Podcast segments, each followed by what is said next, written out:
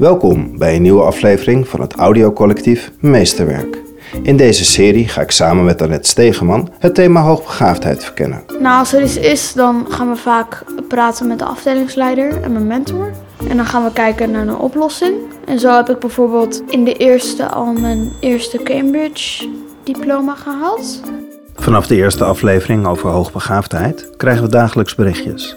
Persoonlijke beschouwingen, bedankjes en soms een berichtje dat je aan het denken zet. Wietse stuurde een bericht dat hij drie hoogbegaafde kinderen heeft, waarvan de oudste 11 jaar is en naar drie gymnasium gaat na de zomer. Ik mag hem podcasten als ik zou willen. Dit bericht resoneerde week in mijn hoofd. 11 jaar, drie gymnasium. Dan was hij misschien wel negen toen hij van de basisschool kwam. En gaat hij op zijn vijftiende jaar eindexamen doen? Hoe kan dit? En waarom willen ze eigenlijk meedoen aan deze serie? En dan hebben ze het over 100 volgers op Instagram of zo. En dan denk ik zo van, het mag niet eens op Instagram van mijn moeder. Ik bezoek ze en op een tropische dag neem ik samen met hen deze podcast op. Want ja, je kan hem wel op een bepaalde plek zetten, maar het systeem blijft het systeem. En Julius blijft Julius. Dus dat, dat, dat gaat nooit met elkaar matchen. Dit is Meesterwerk. Welkom in de podcast. Ja. En ik ben ontzettend benieuwd. Als jij aan iemand zou moeten uitleggen wat hoogbegaafd is, zou je dat in jouw woorden kunnen proberen uit te leggen? Veel mensen die denken dat als je hoogbegaafd bent, dat je dan slim bent. Maar dat is niet zo. Je bent zeg maar heel intelligent. Dus je leert snel. Je bent niet slim, maar je leert sneller dingen. Waardoor je vaak, als je er iets mee doet natuurlijk, slim wordt. En kan jij je nog herinneren dat jij doorhad van hé, hey, ik, ik kan wel heel makkelijk leren of het gaat me makkelijk af? Eh, ja, ik was volgens mij best wel jong toen we die test deden. Volgens mij was, zat ik in groep 3 of zo. En toen deed ik een test. Ik denk niet dat ik echt door had hoe het allemaal ging. En toen zei mijn moeder, denk ik, gewoon zo van tegen me van... Ja, je bent hoogbegaafd. En sindsdien heb ik denk ik tegen iedereen gezegd van... Ik ben hoogbegaafd. Ja, zeg je dat gewoon Terwijl ik tegen toen nog iedereen? niet echt wist dat het was. Maar nu weet ik het wel. Ja, zeg je het gewoon tegen iedereen? Nee, niet echt. Maar vaak dan vraag ik kinderen van... In welke klas zit je? En dan zeg ik, ik ga naar de derde. En dan zeggen ze van, huh, hoe kan dat? En dan zeg ik, ja, ik ben hoogbegaafd. En dan soms dan stellen ze zo'n vraag van... Kan je dan vertellen wat duizend keer duizend is? Nou, je wordt meteen op de proef gesteld. Want je bent 11 jaar Ja, ik ben en je gaat elf. naar drie gymnasium. Ja. Hoe kan dat dan? Heb je klassen overgeslagen of heb je klassen tegelijkertijd gedaan? volgens mij 7 en 8 in één jaar gedaan. En ik heb maar een half jaar van groep 1 gedaan, korter denk ik zelfs, eerder een kwart jaar. Groep 1, de eerste klas bedoel je? Nee, eh, Oh, echt groep 1 van de basisschool. Oké. En ik heb ehm, groep 4 heb ik overgeslagen. Hoe was dat voor jou om dat zo door de school heen te Eh, gaan? Wel vervelend soms. Ik kwam natuurlijk de hele tijd in een nieuwe klas. En ik heb natuurlijk ook in Singapore gewoond. Dus daar had ik natuurlijk ook weer nieuwe klas en zo.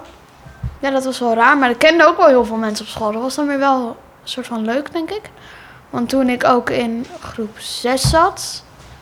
toen deed ik mee met rekenen in groep 7. Groep 7, 8.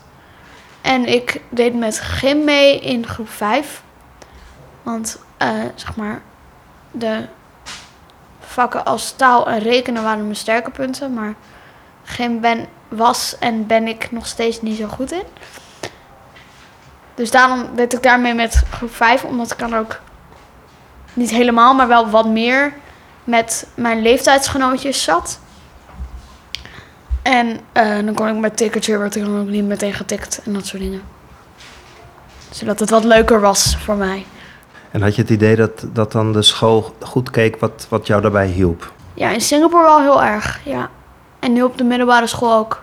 En hoe helpen ze jou goed? Als je nou zegt van Ehm, een juf of een meester die mij goed begrijpt of mij goed kan. nou, als er iets is, dan gaan we vaak praten met de afdelingsleider en mijn mentor.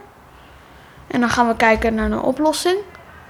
En zo heb ik bijvoorbeeld eh, in de eerste al mijn eerste Cambridge diploma gehaald. mijn FCI. Omdat Engels was heel makkelijk. Ook omdat ik al in Singapore heb gewoond en zo. Dus dat was heel makkelijk. En daarom mocht ik zo vroeg meedoen aan eh, Cambridge. En Want dat Cambridge-diploma, dat is eigenlijk iets wat je volgens mij in de derde of in de vierde zou halen, toch? eerst was het dat je in de derde pas kon meedoen aan FCI. Maar nu was dus dat, dat dus in de tweede al. Dus met dat Cambridge zat ik ook bij kinderen die in de derde van VWO of de vierde van HAVO zaten. Dus daardoor ken ik nog meer mensen op school, zeg maar. Ja, je kent wel het hele school Ja. Nou, het is denk ik meer dat de hele school mij kent. Ja. Ja. Vind je dat ook wel eens raar, dat je dan Ja, dat door al die hele soms wel eens raar, Ja, ja. waarom? Nou, als ik dan door de gang loop, dan word ik zo. eh, dan, dan loop ik verder en dan horen de kinderen achter me van: hé, hey, dat is dat, dat kleine jongetje van elf.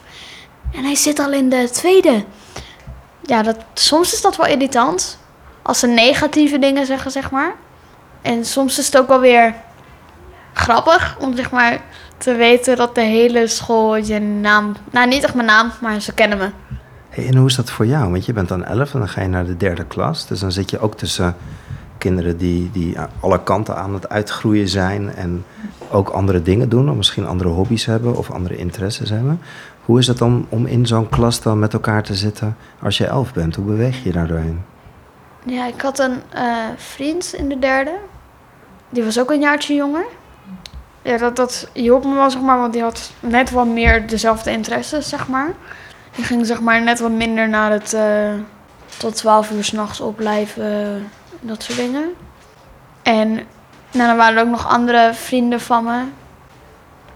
Ja, die waren ook wat, wat minder in de puberteit en dat soort dingen, zeg maar, al. Dus dat was ook wel fijn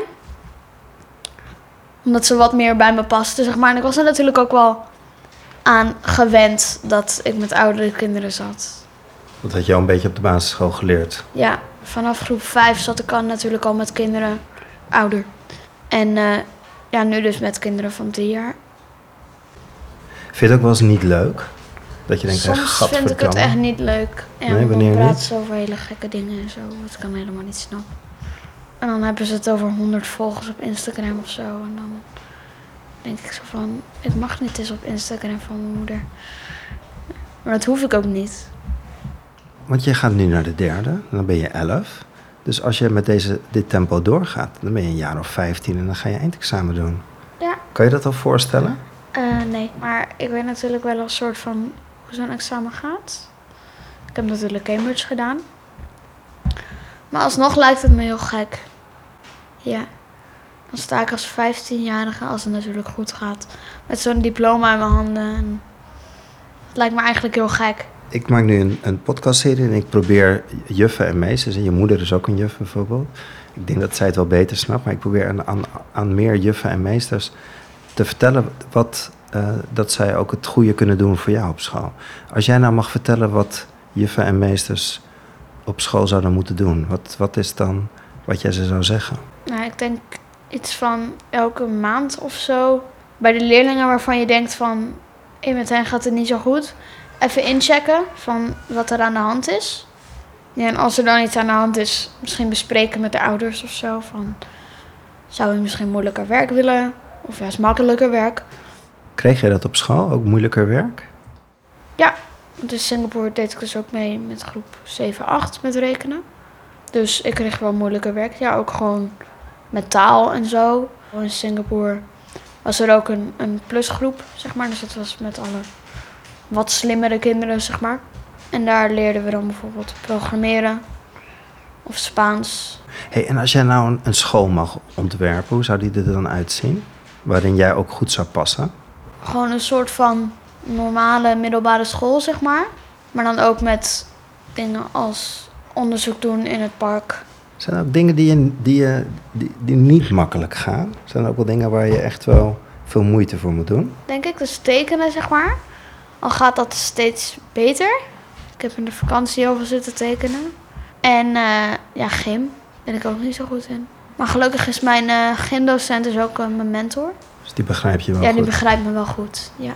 En dan zitten we met je papa en je mama aan tafel. Ik ben wel heel benieuwd bij je ouders wat ze dan aan je zagen of dat ze door hadden van hé, hey, er is iets. Dan ben ik wel benieuwd, want jij kan het je niet meer zo goed herinneren. Nee, dat kan ik Dat inderdaad heel niet. jong al. Volgens mij was ik zes. Zes Jonger. dat je de test hebt gedaan, maar de- wij vonden het eigenlijk niet nodig dat hij getest werd. Maar in groep drie was hij een jaar jonger dan de rest. En toen begon hij zelf vragen te stellen van... Hoe kan het dat juf het woord poes op het bord zet... en dat ze dan aan de klas nog moet leren dat je dan de pe, de oe, de s... en dat dat poes wordt. Terwijl, ja, ik kijk ernaar en ik lees poes. En ehm, hij begon dat soort vragen te stellen. En voor ons was het al heel duidelijk. Hij had toen ook al eigenlijk een, een klas uit groep 1 heeft hij eigenlijk niet gedaan. Voor ons was het al heel duidelijk dat hij behoorlijk voorliep. Eh, maar toen begon hij zelf vragen te stellen. En eh, merkte gewoon dat hij daarin eh, begeleiding nodig had. Hoe ga je er dan mee om? Dat je, op een, dat je anders bent, jonger en ook nog echt op een andere manier leert dan je, dan je klasgenoten. En dat is het moment geweest dat wij hebben gezegd, dan laten we hem testen. We zitten allebei in het onderwijs, dus je weet een beetje de ontwikkeling die een kind eh, doorgaat. En met name eh, jij merkte al vrij snel van... hé, hey, hij kan bepaalde puzzels leggen, vier stukjes, acht stukjes... maar dat past nog helemaal niet bij zijn eh, leeftijd.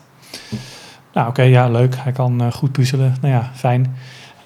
Maar dat soort signalen werden steeds meer en meer en meer. En het, het herkennen van letters op straat... voordat hij überhaupt maar een letter geleerd had... En bij mij viel het kwartje op het moment dat ik wist dat hij een paar letters kende. De, de, de P, de S, nou nog een paar. Ehm, en ik had ze zo op een, op een blaadje geschreven. En ik ging ze zo een beetje navragen. En toen had ik er een letter bij gezet, de F. En daarvan wist ik zeker van, nou, die, die ken je nog niet. En ik vroeg hem naar de letter F, waarvan ik zeker wist van, die ken jij niet. En alleen al op basis van het feit dat hij die andere letters wel kende... en één symbool zag staan eh, die hij nog niet kende... eh, pikte hij hem ertussen uit. En toen dacht ik, ja, weet je, als je op zo'n manier ehm, zo- kan filteren, zeg maar, en zo kan eh, discrimineren op eh, nou ja, eh, letters op zo'n jonge leeftijd, ja, dat vond ik wel heel bijzonder. En toen zijn we het ook wel goed in de gaten gaan houden. En eigenlijk ja, ook meteen, wat, wat jullie dus ook verteld, hè, in gesprek gaan met mensen. En herkennen jullie het op het kinderdagverblijf ook? Ja, dat herkennen we ook, want hij maakt geen puzzel. Hij vindt ze allemaal te makkelijk. Oké. eh, En dat zagen ze wel. Ze zagen wel dat hij te makkelijk vond. Dat ze zagen niet iets anders van dat ze het niet konden Hij plaatsen. begon wel dat hij een jaar of tegen de twee jaar was hij dan boos als hij thuis kwam. Heel boos. En dan zeiden ze, ja, dat is peuterboosheid. En ik dacht, nee, dit, dit, het is waarschijnlijk ook wel peuterboosheid. Maar die boosheid komt ergens vandaan. Dat vind ik altijd. Gedrag van een kind komt ergens vandaan. Een mooi voorbeeld dat hij daar een jaar of drie aan tafel zat. En dan kreeg ze smiddags een snoepje. En hij zegt op het gegeven moment tegen een kind: Als jij nou een colaflesje neemt, dan hebben we een patroon van kerstje, flesje, kerstje, flesje, kerstje, flesje. En die lijster, ik kom hem halen en die kijkt me aan. Die zegt: Ik heb nog nooit een kind bij de peutergroep gehoord over patronen. Ja, hij loopt gewoon heel erg voor. Maar ik denk dat je. Er wordt bij hele jonge kinderen echt gesproken over een ontwikkelingsvoorsprong. En ach, dat kan nog. eh, ja, recht trekken, noemen ze dat dan. Op een gegeven moment gingen wij natuurlijk ook. Hij, hij ging naar groep 1 en ik had ook kleuters. En ik dacht, maar hij doet groep 3 dingen. Wa- Wat gaan we doen? Waar, waar, wat gaat hij doen als hij naar school gaat? Is dat dan de juiste. Wat, wat ga je daar doen? Wat ga je daar leren? Julius gaat echt naar school om te leren. En ik denk wel dat wij in die zin eh, geluk hebben gehad. We zijn denk ik altijd de juiste personen tegengekomen in de zoektocht. De eerste basisschool heeft het goed opgepakt.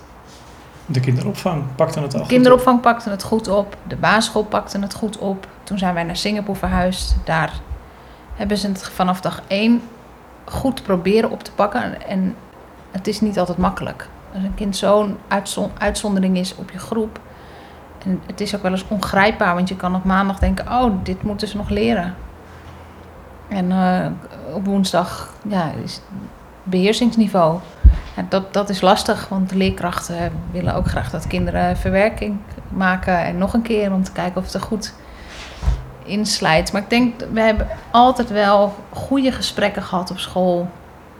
En zijn, daardoor hebben we denk ik voor jullie eens de juiste weg kunnen bewandelen. Nou ben je zelf leerkracht, sta je zelf voor de klas. Ja, Was je er al bekend mee en wist je al om ermee om te gaan eigenlijk? Nee, als ik nu terugdenk, eh, kan ik me goed herinneren dat ik een keer tegen een ouder heb gezegd: eh, Nee, groep 3, ik zou het zeker niet doen. Ze is nog zo jong. En als ik nu terugkijk, denk ik: Oh, dat had ik wel moeten doen. Ik had meer moeten geloven eh, in wat de ouder thuis ziet. Ehm, dat ze dat op school niet laat zien, dat zegt niks. Dat, ja, komt vaak door andere dingen. En niet omdat ze het niet kunnen of niet beheersen. Het heeft wel mijn, absoluut mijn ogen geopend. Ik kwam toevallig laatst een, uh, een, e-mail uh, wisseling met een vriendin tegen. Toen woonden we al in Singapore en toen schreef ik... Nou, ik ben echt anti-versnellen. Nou, nu kijkt waar wij staan. En ik was echt dat ik dacht, nee, dat kan niet. Een kind moet met zijn leeftijdsgenoten. sociale ontwikkeling is, is zo belangrijk. Belangrijker dan de cognitieve ontwikkeling. Nee, nee het, het een gaat niet zonder het ander. Dat heb ik wel echt gemerkt. Dus nee, ik ben niet meer anti-versnellen. Nee, absoluut niet. Nee. hey Wietse, jij hebt mij uh, een, uh, een berichtje gestuurd toen ik begon met dit podcast over hoogbegaafdheid. Waarom? Nou ja, het, het, eh, het, raakt mij natuurlijk persoonlijk, het, het onderwerp. En wat ik, wat ik merk is dat er gewoon nog zo verschrikkelijk weinig bekend is uh, in het onderwijs over hoogbegaafdheid. En daarvan denk ik dat uh, dat kan en dat moet anders.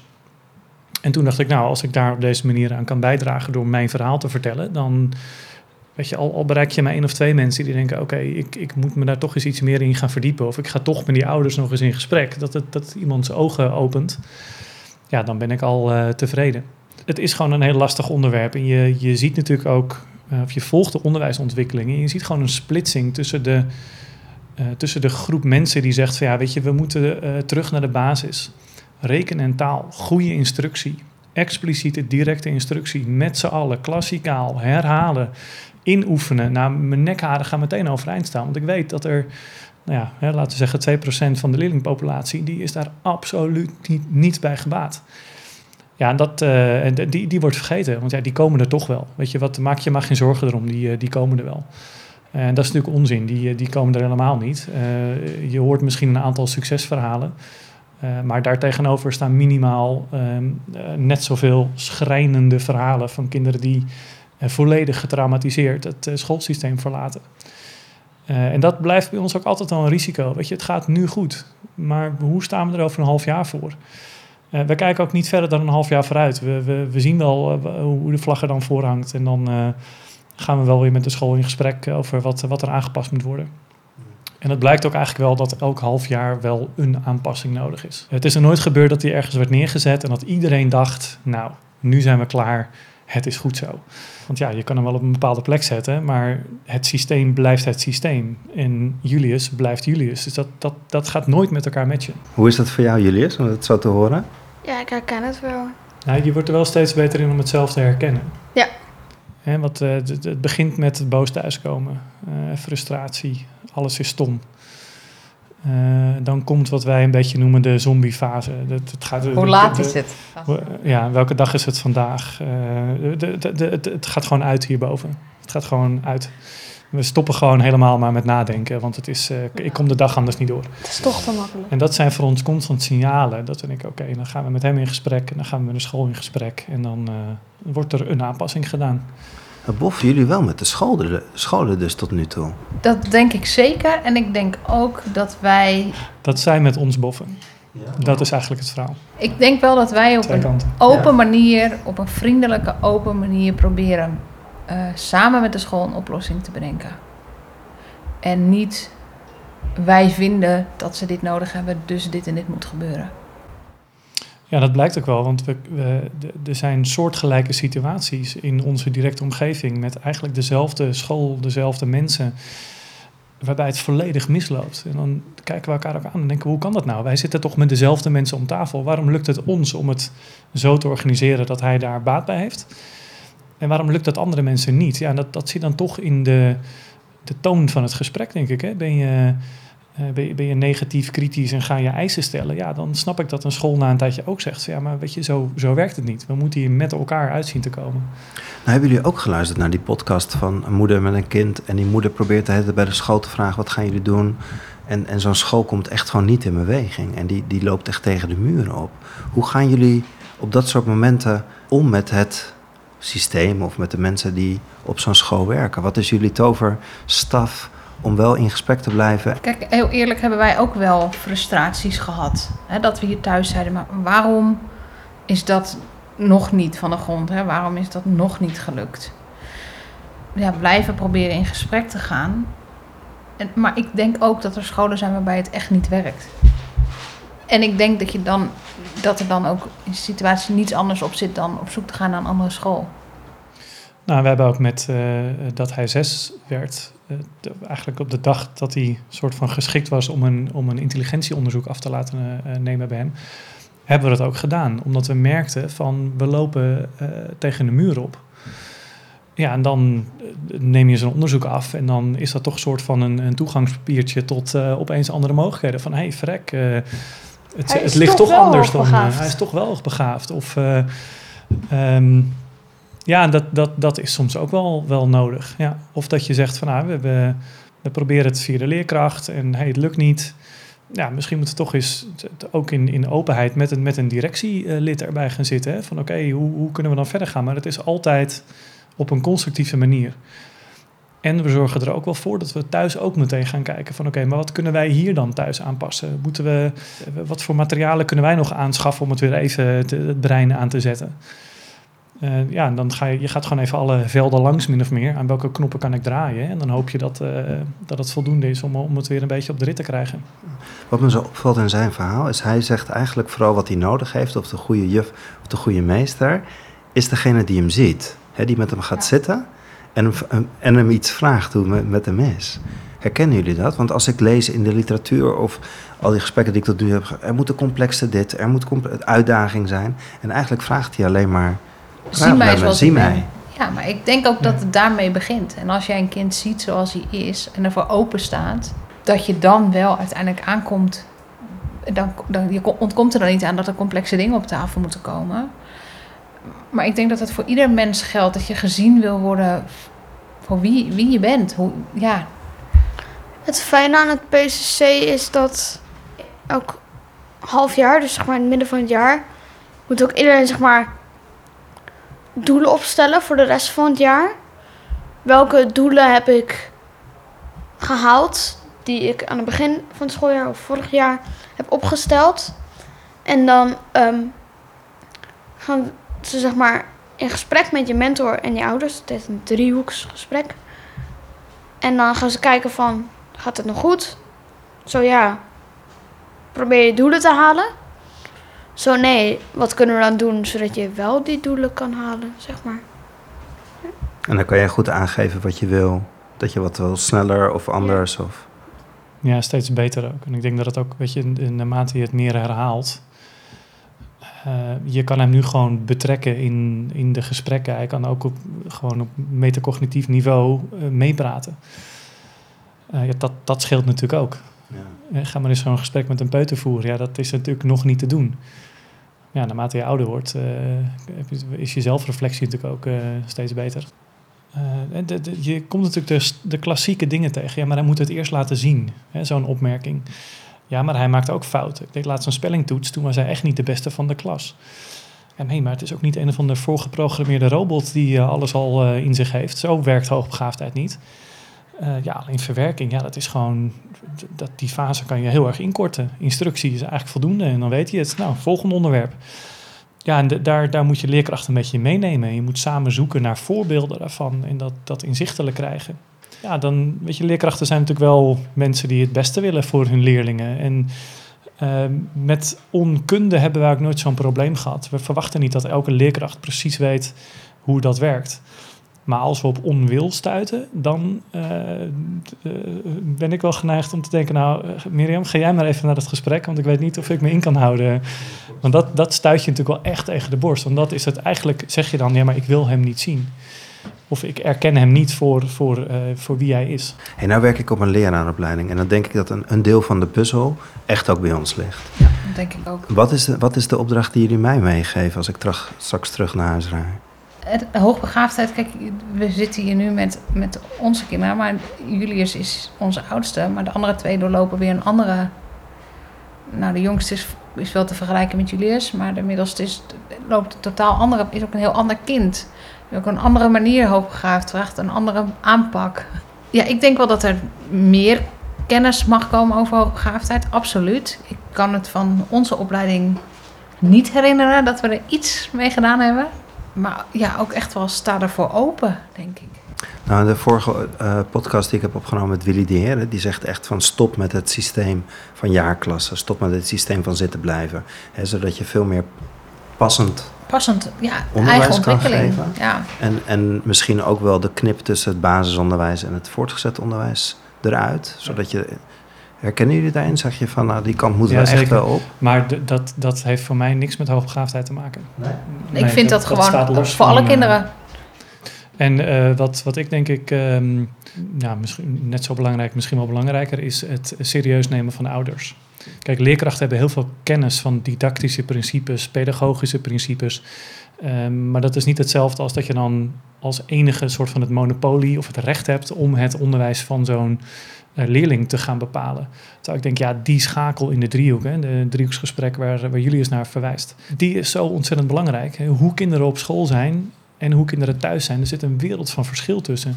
Maar hoe vaak er niet gezegd wordt door een leerkracht, en dat ben ik zelf ook, eh, deed ik zelf ook, van ja, ja, op school zie ik het niet. Punt. En dan was eigenlijk de discussie gesloten. Hè. Pas als ik als leerkracht het zie, dan is het echt zo. Hè. Dan weet je dat, dat, dat gevoel van ik ben de expert. En Ja, driehoeksgesprek, dat is echt met ouders en met het kind en met de mentor. ik denk, ja, met het serieus nemen van een ouder, of is je eigen idee van een kind opzij zetten en het van de ouder overnemen, dat is heel iets anders dan dat je meteen je rol als eh, professional kwijt bent. Ik denk dat je dan juist professionaliteit laat zien. Ik ben benieuwd als, als ouder. Ik, ik heb ook een kindje, of een kind. De eerste dag dat hij naar de middelbare school ging. Ik vond, het, ik vond dat wat. Ik vond dat best een moeilijk moment. Nou was jullie kind, was negen. Hoe was dat voor jullie dat je dan je, je kind 's ochtends naar, naar school ziet fietsen? En hoe was het voor jou om naar school, naar de middelbare school te fietsen? Eh, ik weet niet, ben ik de eerste dag naar school gefietst? Ja. Ja, je moest, want ik brak mijn Oh voet. ja. En het was Oh niet ja. de bedoeling. Ik zou hem elke dag brengen. Het eerste jaar, misschien wel twee jaar. Want ik, ik heb er echt wakker van Ik gelegen. ben het hele jaar, behalve in de winter, terwijl toen het zeg maar sneeuwde of echt heel koud was, Ging je op de fiets? ben ik op de fiets geweest. En nog steeds. Ja, we hebben er echt wel Ik heb er wakker van gelegen. En echt wel tot de laatste schooldag gedacht: is dit de juiste beslissing? Moet een kind van negen wel die grote middelbare school? Een kluisje, sleutels, eh, op de fiets. Met oh, je ben mijn groot- kluissleutel vaak kwijtgeraakt. Precies. je ge- kende je bij de receptie ook heel snel. Ja. Ja. met je en Hé, hey, is toch deze? Wat, wat- wat doen we een kind aan?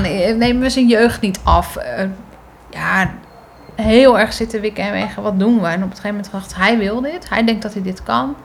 Hier gaan we voor. Maar één ding, ik breng hem. Elke dag. Dat is mijn grootste angst, dat er één onder de auto komt.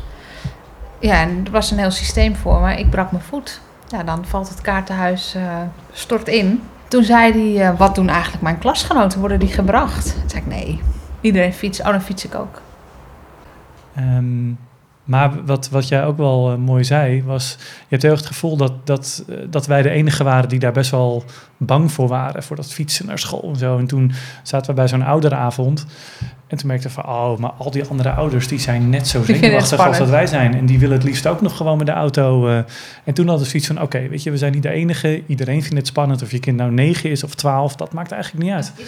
En dat gaf ook wel een beetje rust of zo. Van oké, dit, dit is normaal. Dit, dit- niet, niet, eh, misschien wat extra omdat hij nog wat jonger is. Maar ja, elke ouder heeft hier last van. Ja, en blijft dat? Hè? En ik vroeg hem net van als je dan op je vijftiende misschien wel eindexamen gaat doen. Hoe is dat voor jullie, dat idee?